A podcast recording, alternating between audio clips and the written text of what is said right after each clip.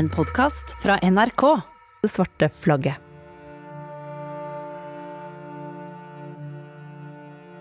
Det er fem-seks år siden nå, da alt vi hørte om, var Syria. Vi så journalister som ble halshogd og homofile som ble dytta ned fra høye bygninger. Og vi så menn med langt skjegg og gevær på brystet som planta det svarte flagget i by etter by etter by.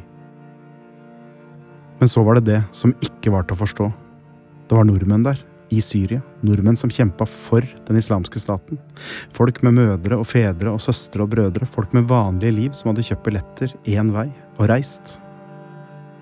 Mange av dem døde der i den tørre, røde sanda langt, langt hjemmefra. I denne podkasten treffer vi fire nordmenn som overlevde. Tre av dem sitter fengsla i Norge, dømt for terror.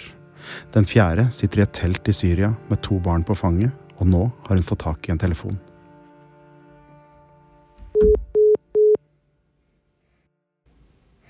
Akkurat som ikke det kobler opp i det hele tatt. لا يمكنكم إجراء أي مكالمات من هذا الرقم للاستعلام Skal jeg bare prøve mange ganger, eller?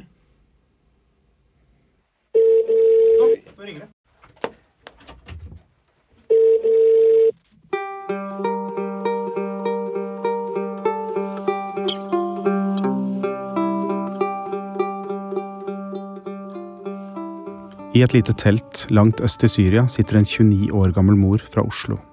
Sønnen på snart fem har en alvorlig lungesykdom, så alvorlig at det er fare for livet. Moren fra Oslo ble kalt IS-kvinnen i norske medier, men hun vil heller at vi kaller henne Sara. En morgen for seks og et halvt år siden lista Sara seg ut av rommet sitt mens mora og faren og søsknene hennes lå og sov. Uten å ta avskjed med dem reiste hun etter kjæresten sin, Bastian, til Syria. Det har skjedd mye i livene våre siden da, men Sara har vært i Syria hele tida.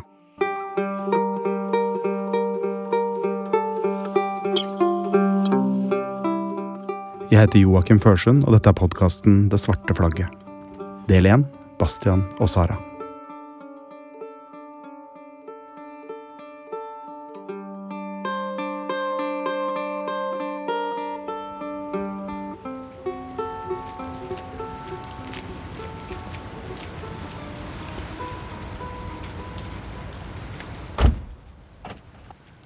En sped mann i 50-åra parkerer den lille bilen sin i et garasjeanlegg i Oslo. Mannen er født i Pakistan og bor i Groruddalen, og er faren til Sara. Han ville ikke treffe oss hjemme, for naboen hans veit ikke at Sara reiste til Syria for seks og et halvt år siden. Han ber oss også om å bytte ut stemmen hans, sånn at kollegene på jobben ikke kjenner ham igjen. Vi setter oss på et lite kontor. Faren til Sara gnir handa over ansiktet og blir sittende med jakka på. Kan du beskrive den dagen da hun forsvant? Hun skulle jo tidlig på skolen eller på jobb, for det var det hun hadde sagt. Og eh, når dagen gikk på kvelden, så, så ringte kona henne, og da var hun veldig trøtt og sliten i stemmen. Så spurte kona henne, hvor er du nå, du skulle vært hjemme nå. Så svarte hun med den slitne stemmen at mamma, jeg kommer ikke hjem i dag.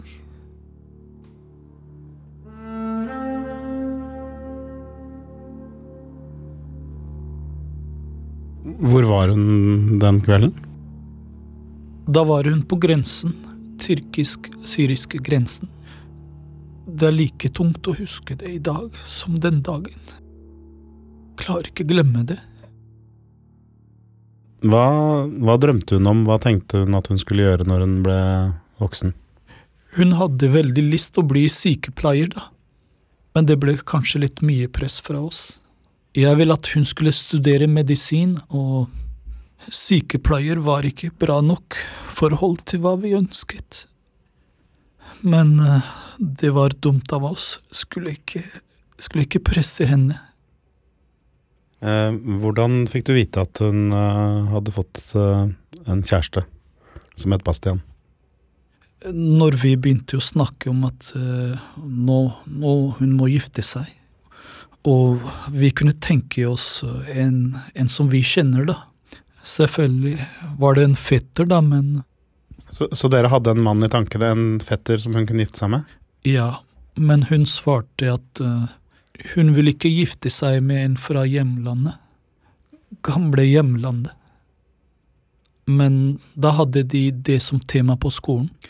Innvandrerbarn blir tatt med hjem og i sommerferien og giftes bort der.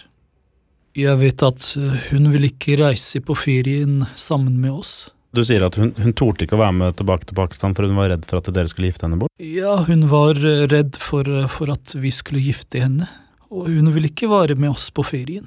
Hadde dere planer om å gifte henne bort, da? Absolutt ikke, så dum var jeg ikke, da. Man kan si hva man vil om meg, men så dum er jeg ikke. Men eh, hun vil eh, heller gifte seg med en herfra enn fra Norge.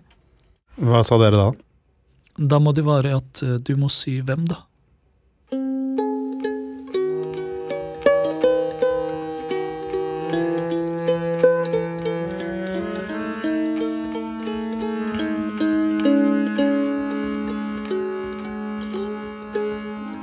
Vi møter han på en liten restaurant.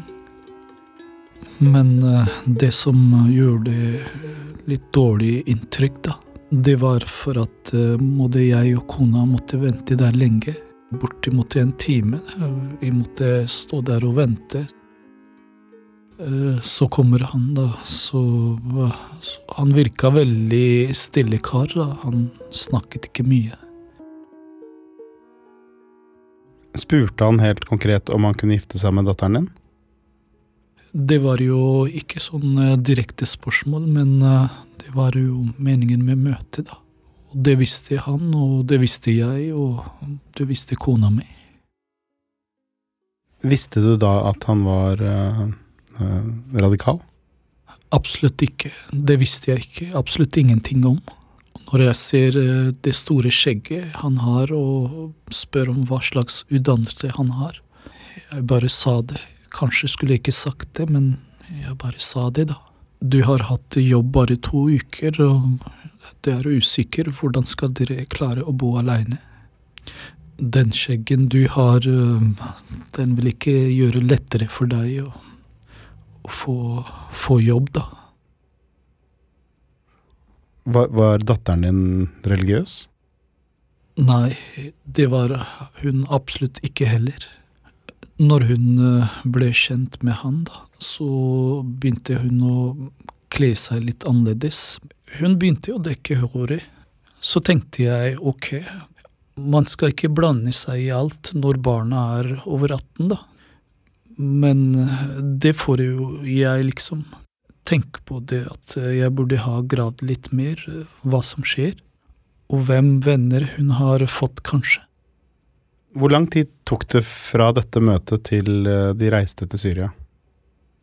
Det tok ikke lang tid, men jeg mener at det inntrykket han fikk av meg, gjorde også at Liksom det ble fortgang i den prosessen. Bebreider du deg selv for det? Ja, absolutt. I mars i år um, så holdt um, en norsk politiker en, en tale hvor hun um, uh, snakket om din datter. Kan jeg, kan jeg få lov til å spille den nå? Ja, det kan du gjøre.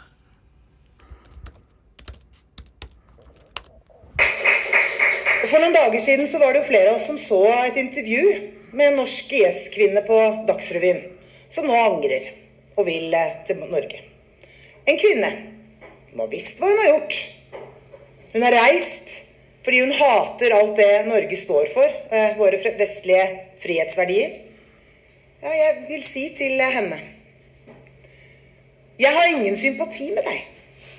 Du har valgt dette selv.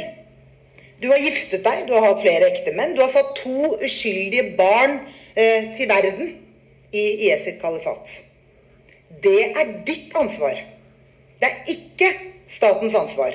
Det er ikke skattebetalernes ansvar. Og jeg mener at vi ikke skal løfte en eneste finger for å få deg tilbake til Norge.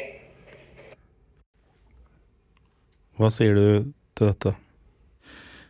Nei, jeg har ikke noe å si til de der, når de ikke skjønner det.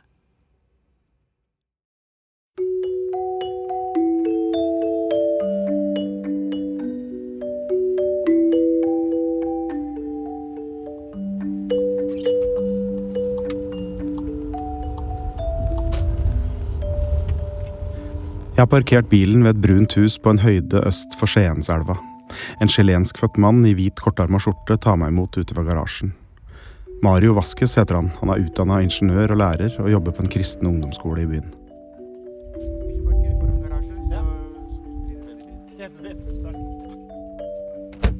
Det er bare han og kona hans som bor i det store huset nå. De tre barna deres er blitt voksne og har flytta ut.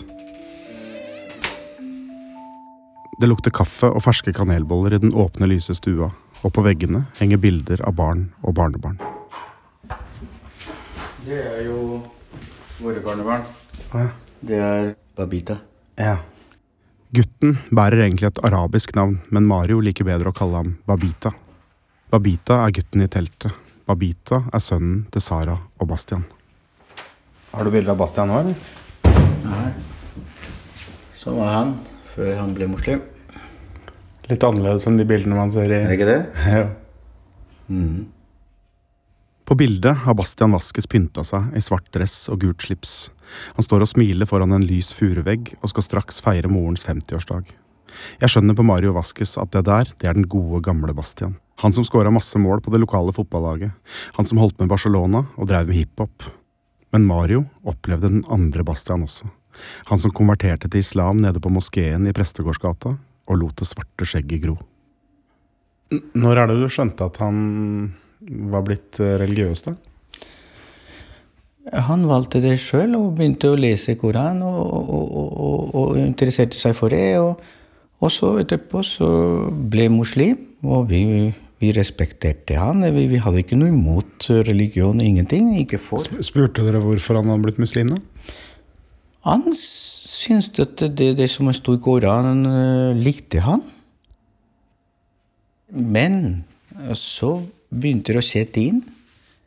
Han fikk masse telefoner fra folk, og etter hvert så skjønte vi at det hadde kommet i en sånn miljø hvor det var folk som var radikalisert gruppe og sånn, og Omans profetgruppa.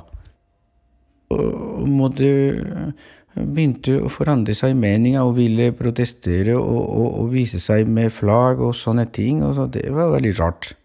Da begynte han å, å skille vi veier. Han begynte å distansere seg fra dere? Ja. Så vi tok en prat med han. Eh, Og eh, da sa vi at eh, vi, du vet at vi elsker deg og alt, og, men du har kommet i en miljø. Vi, vi, mora di og jeg kan ikke se deg at du gjør sånne ting og snakke med sånne folk. Og så sa jeg hvis du ikke følger våre regler, så må du bare flytte ut og bo for deg sjøl. Og da sa jeg ok, da forstår jeg dere og respekterer, og så da flytta han til Oslo, da. Bastian Vaskes gjorde som foreldrene sa. Han flytta ut av det brune huset i Skien og inn i leiligheten til noen venner i Oslo. Han dro til Mekka på pilegrimsreise og tok et muslimsk navn. Men han var stadig hjemme i helgene, og en januardag i 2012 hadde Bastian og faren Mario rigga seg til i den store, lyse stua. De skulle se fotballkamp sammen med resten av familien. Ja, det var en fotballkamp. Vi samlet familie her. Ja, mor og noen var litt i Real Madrid, noen likte Barcelona. Og så og, og tøysa mye, og, og så ringte på døra, og dattera mi åpnet døra, og så Plutselig så kom det to voksne karer. Hilser jo, god dag, og så alle kikker på. Nei, vi er politi, vi hva er det som skjer? Så vi går ned, så plutselig hører jeg Bastian skrike og rope etter meg. Og jeg går inn i rommet sitt, og det var en veldig kraftig politi, sivil politi som holder han nede med makt og ser at han er i magen mot senga og armene bak. Og, og han skriker, og ser jeg uttrykket hans, og det var hardt. Hardt å bli han eh, håndjernet ut av huset. Det var grusomt. Du hører på NRK P2, og vi sender nå første del av dokumentarserien Det svarte flagget om nordmenn som kjempet for den islamske staten.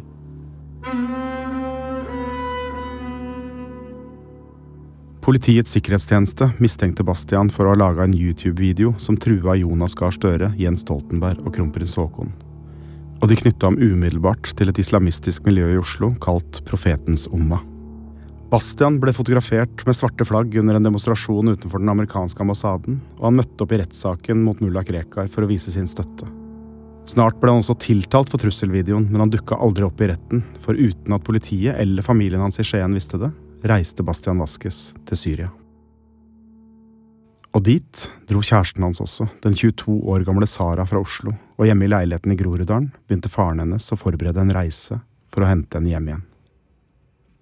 Altså, folk snakket til meg, men jeg var aldri til stede. Jeg var, jeg var i mine egne tanker og Herregud, hva slags far er du eh, som sitter her, og hvorfor kan ikke jeg dra ned dit? Er det sånn en far skal være? Så bestemte jeg at jeg skal dra.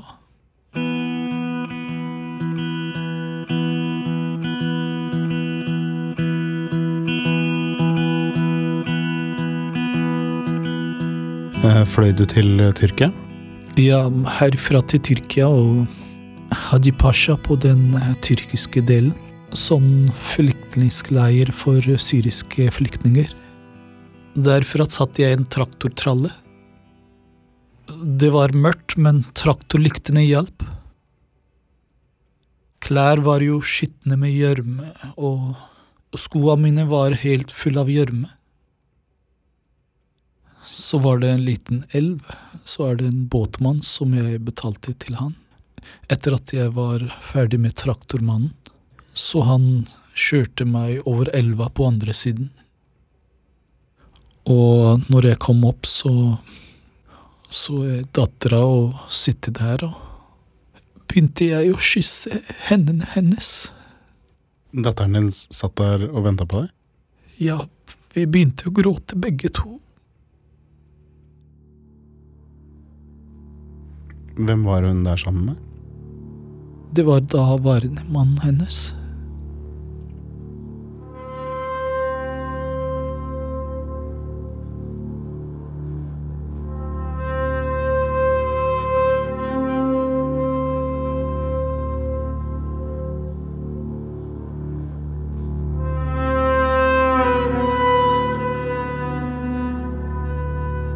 Så kjørte vi et stykke i en eh, grusete område, da. Så stopper han, og han ber meg å komme ut bak bilen. Så jeg kom bak bilen, så han eh, ransaket meg fra topp til tå. Om eh, jeg ikke hadde noe våpen, eller kanskje noe, noe sånt. Og det er det kanskje han fryktet. Mens han kjørte, da, så innimellom han eh, slo av lyset, da. Og kjører han eh, et stykke uten lys, så slår han på for å se veien videre. Så jeg begynte å lure på hvorfor han gjør det. Så sa han at eh, ja, nå er vi i Syria, og her kan vi bli bombet av Assads fly. Men vi kom der de bodde, da det var et eh, to etasjers hus. Nede bodde de somaliske jentene, og oppe andre etasje så bodde dattera mi. Altså de to somaliske jentene som er blitt omtalt som to søstre? Ja, Det er uklart hvem som kontrollerte stedet faren til Sara kom til den natta, for IS var bare en av veldig mange opprørsgrupper i Syria i 2013. Faren til Sara beskriver ei klynge med uferdige bygninger, han beskriver en port med bevæpna menn, og han beskriver drønnene fra bomber som traff bakken der ute i mørket et sted. så snakket vi når mannen ikke var hjemme. Så hun fortalte også da at hun fikk ikke lov å bli med meg hjem. Sa hun at hun ville hjem? Ja, hun sa det. Etter den eh, første natten, eller var det andre natten, jentene ble flytta til en moské. Så jeg ble skikkelig skremt, og nå er jeg bare helt aleine her. Alle har jo dratt, og de har også flyttet dattera mi. Det var ganske tungt å, å sitte der og gråte og ikke forstå noen ting. Og jeg tenkte at eh, nå har de liksom kanskje forstått at jeg kom for å hente henne.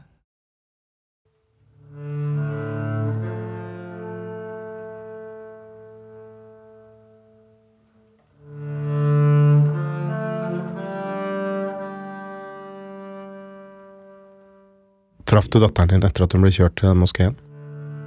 Ja, dagen etter, eh, når jeg sa at jeg vil møte henne, og hvor er hun nå? Så kjørte de meg. Der var det et rom med mange kvinner, og så var det noen små barn. Så fikk vi snakket i døra, fordi hun fikk ikke lov å komme ut. Hva snakka du med datteren din om da, da? Nei, jeg bare hilser på, og hun bare spurte om eh, jeg har spist noe, og jeg spurte om hun har det bra. Ba du henne om å bli med hjem? Jeg kunne ikke snakke der åpent, det hadde jeg ikke turt heller. Var du der da sammen med mannen hennes? Ja, så det var bare å si jeg må dra tomhendta. Bomtur. Når var den siste gangen du så datteren din? Det var da, faktisk. Det var da.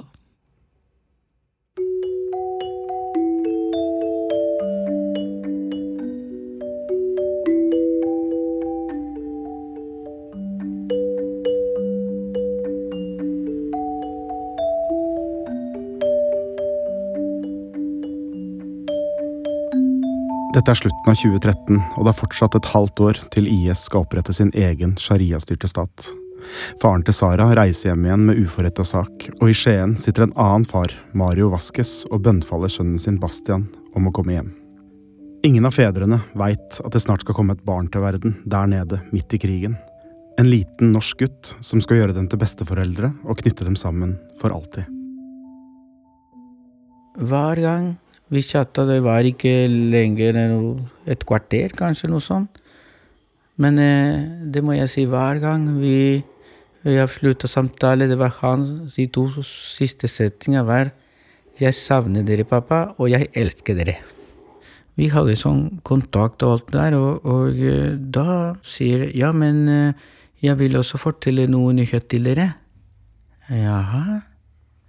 Ja, jeg må fortelle at eh, jeg traff en jente, og vi giftet oss. Og vi er her, og hun er gravid og har tre måneder, er tre måneder på vei. Og eh, klart at vi ble glad. Og så blandefølelse for så vidt. At eh, å bo på et land som er i krig, eh, gifte seg og, og vente på et barn Fortalte han noe om henne? Eh, Ikke så mye i første omgang, men så etterpå så begynte jeg å fortelle om, eh, om, om henne, om at hun var en veldig kjærlig jente, og, og fortalte litt at hun var også studerte ved Universitetet i Oslo nå i Det var noe med IT eller historie. Rett og på, på høyt nivå. Og eh, at de var veldig forelsket, særlig henne, da.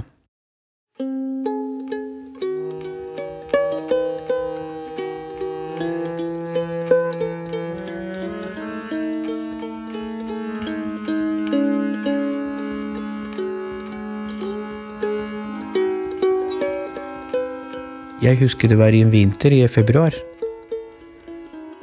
Veldig sånn tilfeldig eh, finner jeg at det er en melding til meg.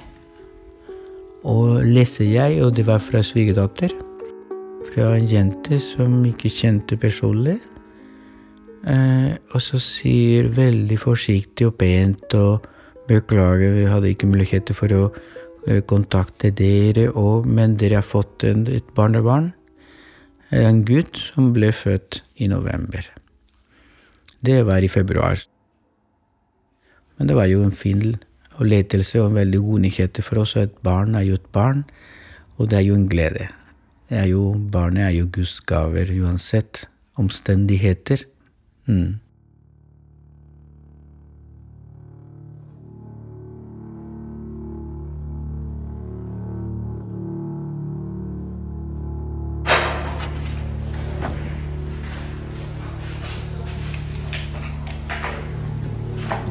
See here, prisoners, this is just some of the hundreds of prisoners that we have. Dette er lyden av en propagandavideo, og stemmen tilhører Bastian Vaskes. Det er sommeren 2014, IS har nettopp oppretta kalifatet, og Bastian går rundt i et ørkenlignende landskap på grensa mellom Irak og Syria. Han har langt, svart skjegg og et automatvåpen hengende over skuldra, og han forteller hvor mange vantro IS har drept, og hvor mange de har tatt til fange. Bastian heiser det svarte flagget, og så åpner han ei grå jerndør og peker på et titalls menn som sitter langs veggene med bedende blikk og knærne trukket mot brystet. Them Shia, Yazidi. Hey. Uh, those people who raise their hands right now, they Yazidi people. They uh, Lucifer. They say that he got thrown out of Jannah, and they worship him. Look at these idiots.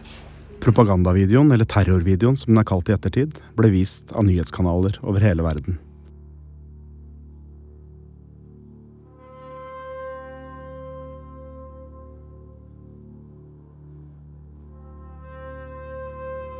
Eh, Men så kom det en terrorvideo, og da hørte vi aldri noe mer. Ingenting. Ingenting. Så da gikk det eh, mørkeste periode i våre liv etter en terrorvideo. Kan du fortelle meg hvordan det var å være faren til Bastian Vasques i den perioden? Man føler seg trist, man føler seg bekymret. Mye skam. Skyldfølelse, ikke minst. For da begynner du å si Har vi vært så dårlige foreldre? Men det er grusomt å gå til en, en butikk som vi har i nærheten av huset. Hvor vi kan gå og, og komme til en lokal avis i, i, i, i butikken. Og, og der står på første sida et hele sida med et bilde av oss med kjegete og eh, kaps, og så står 'slik han ble alles fiender'.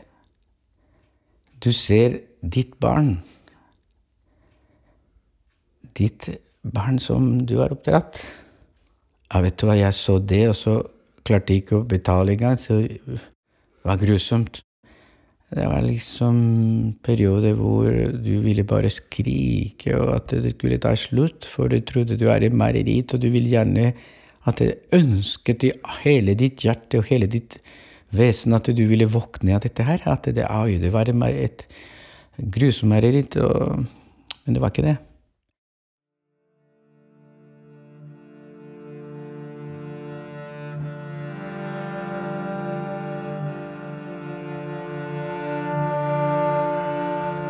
Jeg satt på kjøkkenet alene, jeg skulle på jobb.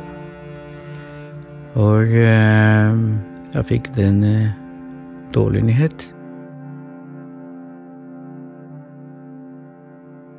Hva sto det i den meldingen? Uff. Mora, kona mi, kalte Bastian for Baba. Bare en forkortelse. Bastian og Baba er liksom Når han begynte å lære seg navnet sitt, så klarte ikke helt riktig, og det ble litt mer likt Baba, så vi kalte han bare Baba. Eller ja, liksom da han var liten, da. Så tenkte jeg jo er Hei, sier hun veldig sånn forsiktig, og eh, jeg har en dårlig nyhet. Jeg vil fortelle at eh, Baba døde i går.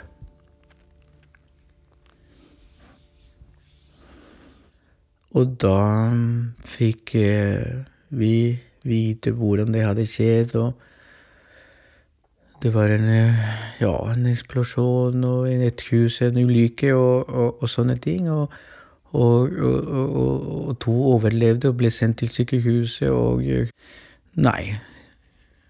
Uheldigvis for henne og oss, og Bastian var ikke en av de som overlevde. Han ble drept den samme dag han ble født, så han ble 25 år gammel. Han ble drept på bursdagen sin? Ja. Vi er tilgitt vår sønn fra hele vårt hjerte, men vi kommer aldri til å forstå hvorfor han gjorde det han gjorde.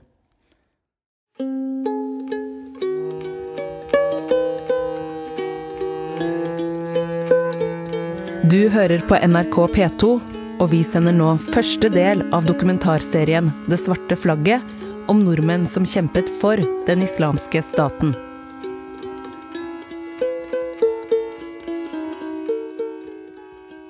Fra den dato så begynte vi å ha en samtale med henne hver eneste dag. Med hvem? Vår sviger- svigerdatter. Hun var jo vel helt knust. Hun var storm, storm forelsket i, i vår sønn. Fikk du inntrykk av at hun ville hjem? Ja, Bastian Vasques dør den 9. april i 2015. Sara er enke i kalifatet. Hun engasjerer en norsk advokat for å få hjelp til å komme hjem, men det fører ikke fram. Og snart gifter hun seg med en ny fremmedkriger, en egyptisk bekjent av Bastian. Hun får et barn til, en datter, men så kommer flyene. Ikke bare president Assad sine, men de franske og engelske og amerikanske og russiske også. Så det var en stund da ble det kommunikasjon så dårlig at det var veldig lite. Det var månedsvis vi ikke visste om henne. Vi hadde kontakt med faren uh, hele tida. 'Har du hørt noe? Har du hørt noe?' Han spurte oss, vi spurte han. Har ingenting. Og det er grusomt, det òg. Også faren sendte meg, kopierte og sendte meg videre melding som hun hadde skrevet. Og da lyder som følgende Pappa, si dette til Mario. Unnskyld til Mario for at jeg ikke har kontakt med dem. Det har vært litt vanskelig. Det kan du tenke deg. Litt vanskelig.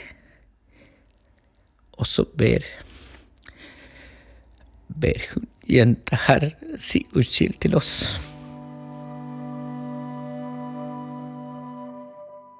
Våren 2017 blir Sara enke for andre gang.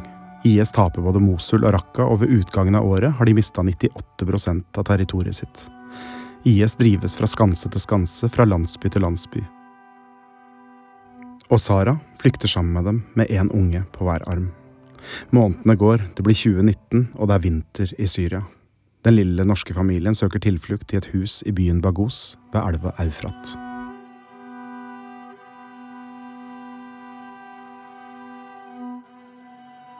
Først levde de i et hus, eh, så det ble bombet, og hun Hun sa at det var flaks da, at hun overlevde, da.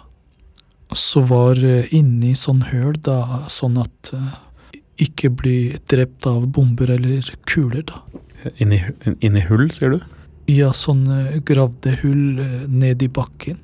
Så de hadde ikke mye spise da. Det var det eneste de hadde, det var vann fra elva som de drakk, og så hadde de dadler og leve av kun det.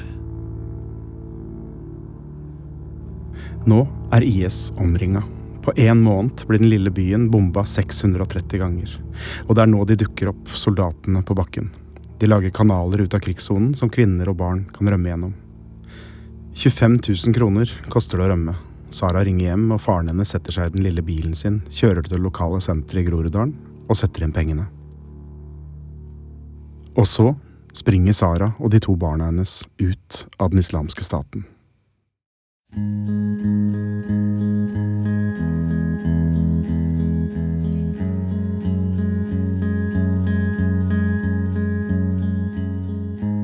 Kvinnene og barna som overlevde bombinga av Bagos, ble internert i en leir kalt Al-Hol. Sara og barna får tildelt et telt, og så begynner debatten, både i Norge og resten av verden. Hva skal vi gjøre med dem, enkene? Det er tusenvis av dem fra mer enn 60 land, og de har jo vært med i IS, har de ikke? Skal vi hjelpe dem da? Og hva gjør vi med barna deres?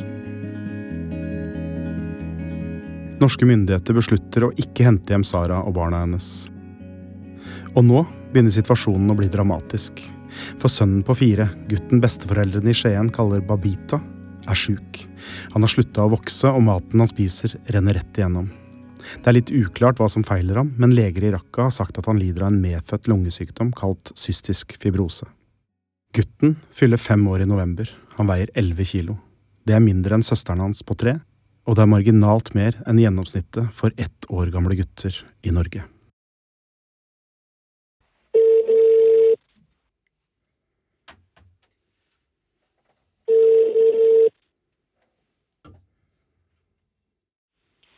Ja, hallo? Ja, hallo, dette er Joakim Førsund som ringer. Ja, hei. Hører du meg? Ja, ja, jeg hører deg. Hvordan går det? Ja, det går. Det går. Hva mener du? Ja. Det kan ikke gå det er ikke noe særlig Hva skal jeg si Det er slitsomt. Jeg har, jeg har ikke helt skjønt om det er et fengsel eller en flyktningleir du sitter i. Ja, det er ikke Hva skal jeg si Det er ikke direkte et fengsel, men det er, kan ikke være noe helt annet heller. Akkurat en vanlig flykt- flyktningleir. ville du hatt muligheten til å gå ut av leiren. Det har ikke vi her. Så du kunne ikke tatt med deg barna og gått ut av leiren? Nei. Du, da, da faren din mm, betalte for å få deg ut, og du, og du kom deg ut, Mm. tenkte du at du var eh, Ja. redda da? Jeg tenkte det, ja. Men jeg fant ut av det senere at det var egentlig Jeg har ikke kommet meg særlig langt ennå. Kan, kan du si noe om uh, hvorfor du reiste? um, hvorfor jeg Jeg tror ikke jeg skal ta det her. Jeg tar den her kommer opp dit. Det tar du når du kommer hjem? Ja. Faren din mener at, eh, at det langt på er hans skyld at du er i Syria, fordi han var så skeptisk til kjæresten din, Bastian. Um, jeg vil egentlig ikke kommentere på det enda. Ja. Um, for det er litt komplisert. Det er ikke bare et frem. Nei. Sara vil ikke snakke om hvorfor hun dro til Syria for snart sju år siden. Kanskje vil hun ikke sverte Bastian Vaskes, og kanskje er hun redd for reaksjoner blant IS-folk i leiren der hun bor. Eller kanskje et ærlig svar vil kunne brukes mot henne hvis hun en dag blir stilt for retten. Jeg visste egentlig ikke at jeg hadde kommet inn til fire. Eller jeg kom for å besøke uh, Bastian. Uh, og han kjørte meg da inn dagen etterpå, og det var da jeg fant ut at jeg er faktisk i Syria. Altså, du visste ikke at du var i Syria engang? Nei, jeg kom for å besøke han i Tyrkia. Jeg kom ikke til Syria. Ja. Og så kjørte dere bare bil over grensa uten at du visste det? Ja. På den tiden var det ikke sånn som det har vært de siste eh, åra. Eh, Det var Brevsen og alt med. Har, har, du noen gang, har du noen gang kriga for IS? Nei. Har du noen gang gjort noe annet? Jeg har i krise. Nei. Jeg har kun sittet hjemme og uh, altså, faktisk hatt at jeg stengt inne i et hus, eh, lage mat, vaske klærne mine og så videre. Det er det eneste. Altså rydde huset, vaske klær og lage mat. Så uh, jeg vet veldig godt at jeg ikke har vært en del av det i det hele tatt. Jeg har rydda hus, vaska klær og laga mat. Det er det eneste. Jeg veit veldig godt at jeg ikke har vært en del av IS i det hele tatt, sier Sara i teltet i all hold.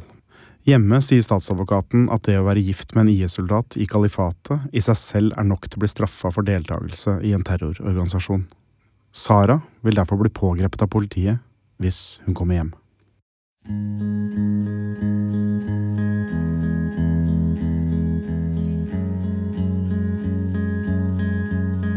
Tre måneder etter at Sara kom til Al-Hol-leiren, beslutter norske myndigheter å hente hjem fem foreldreløse barn fra Syria. Erna Solberg inviterer til pressekonferanse i statsministerboligen.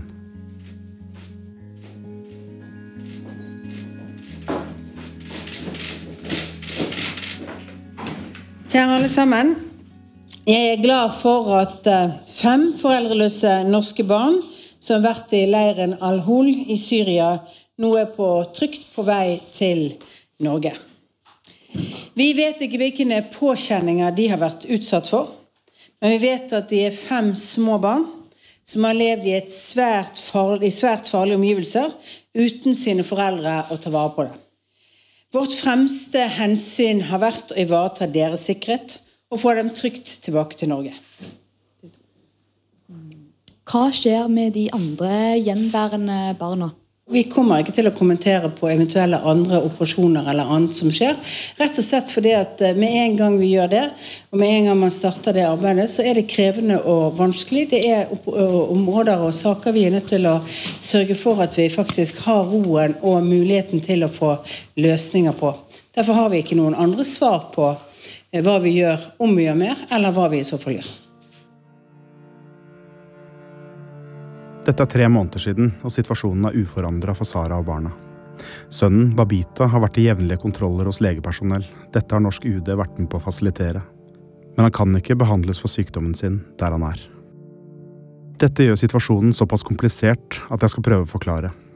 Regjeringen vil ikke hjelpe Sara, for hun har gifta seg med en IS-kriger og satt seg i denne situasjonen sjøl. Og regjeringen kan ikke hente hjem IS-barn fordi de kurdiske myndighetene som kontrollerer leiren, ikke ønsker å skille mor og barn. Det gir den norske regjeringen to alternativer. Hente hjem både barn og mødre, eller la dem bli igjen i leiren i Syria. Men så skjer det en utvikling. midt i august, la kurderne et sykt tysk barn forlate leiren etter at barnets mor har gått med på det. Og i forlengelsen av dette sier de til NRK at syke barn kan skilles fra mødrene sine. Men da må barnets mor be om det. Og i Skien sitter guttens bestefar, Mario Vasques, og følger utviklinga. Det er jo kanskje sånn nå at, uh, at uh, ditt barnebarn kunne vært i Norge hvis hun hadde vært villig til å gi han fra seg. Hva tenker du om det? Åh, jeg kan ikke forstå den situasjonen. Jeg vil ikke stå i den situasjonen og velge. Hvordan i all verden en person kan spørre om noe så grusomt? Vil du gitt fra deg et barn, har ingen kan garantere at det å skille ham fra sitt mor er det en god idé, er det riktig? Vi støtter henne fullt ut.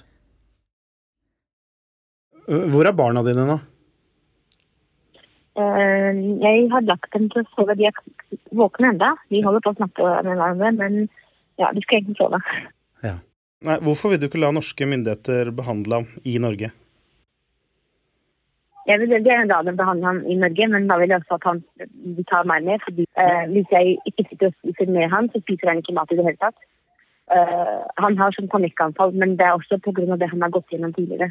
Hva er det du tenker på da?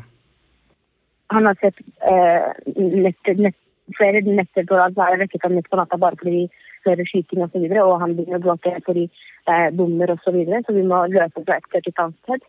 Mm. Så man må tenke på barnets helse, man må tenke på hvordan han kommer til å oppleve det. Han har allerede eh, mista sin far, skal han da miste moren sin, som, han, som er nærmeste omsorgsperson han har akkurat nå. Men hvis det er det eneste alternativet for å få han behandlet, da? Det er ikke et alternativ, fordi eh, det vil bare ødelegge han.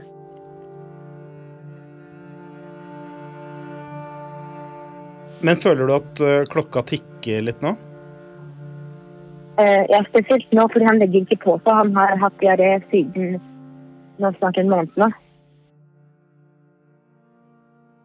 Tror du at sønnen din kommer til å overleve? Jeg håper det.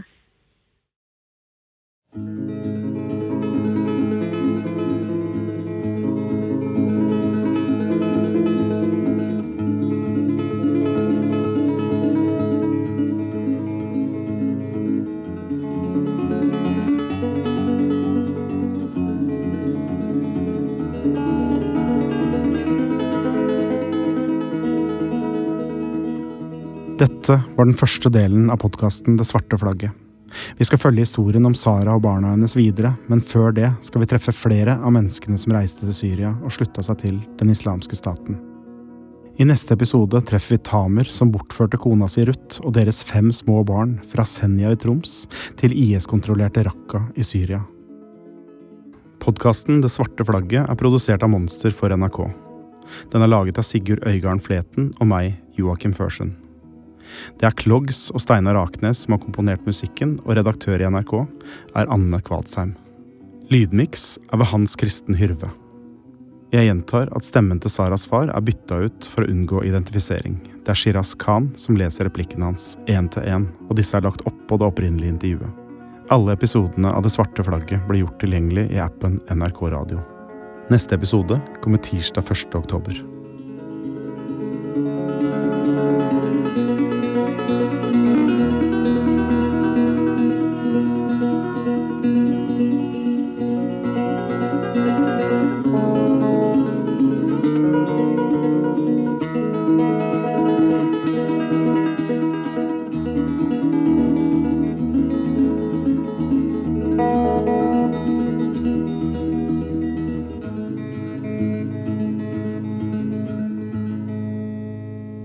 Du har hørt en podkast fra NRK. Hør flere podkaster og din NRK-kanal i appen NRK Radio.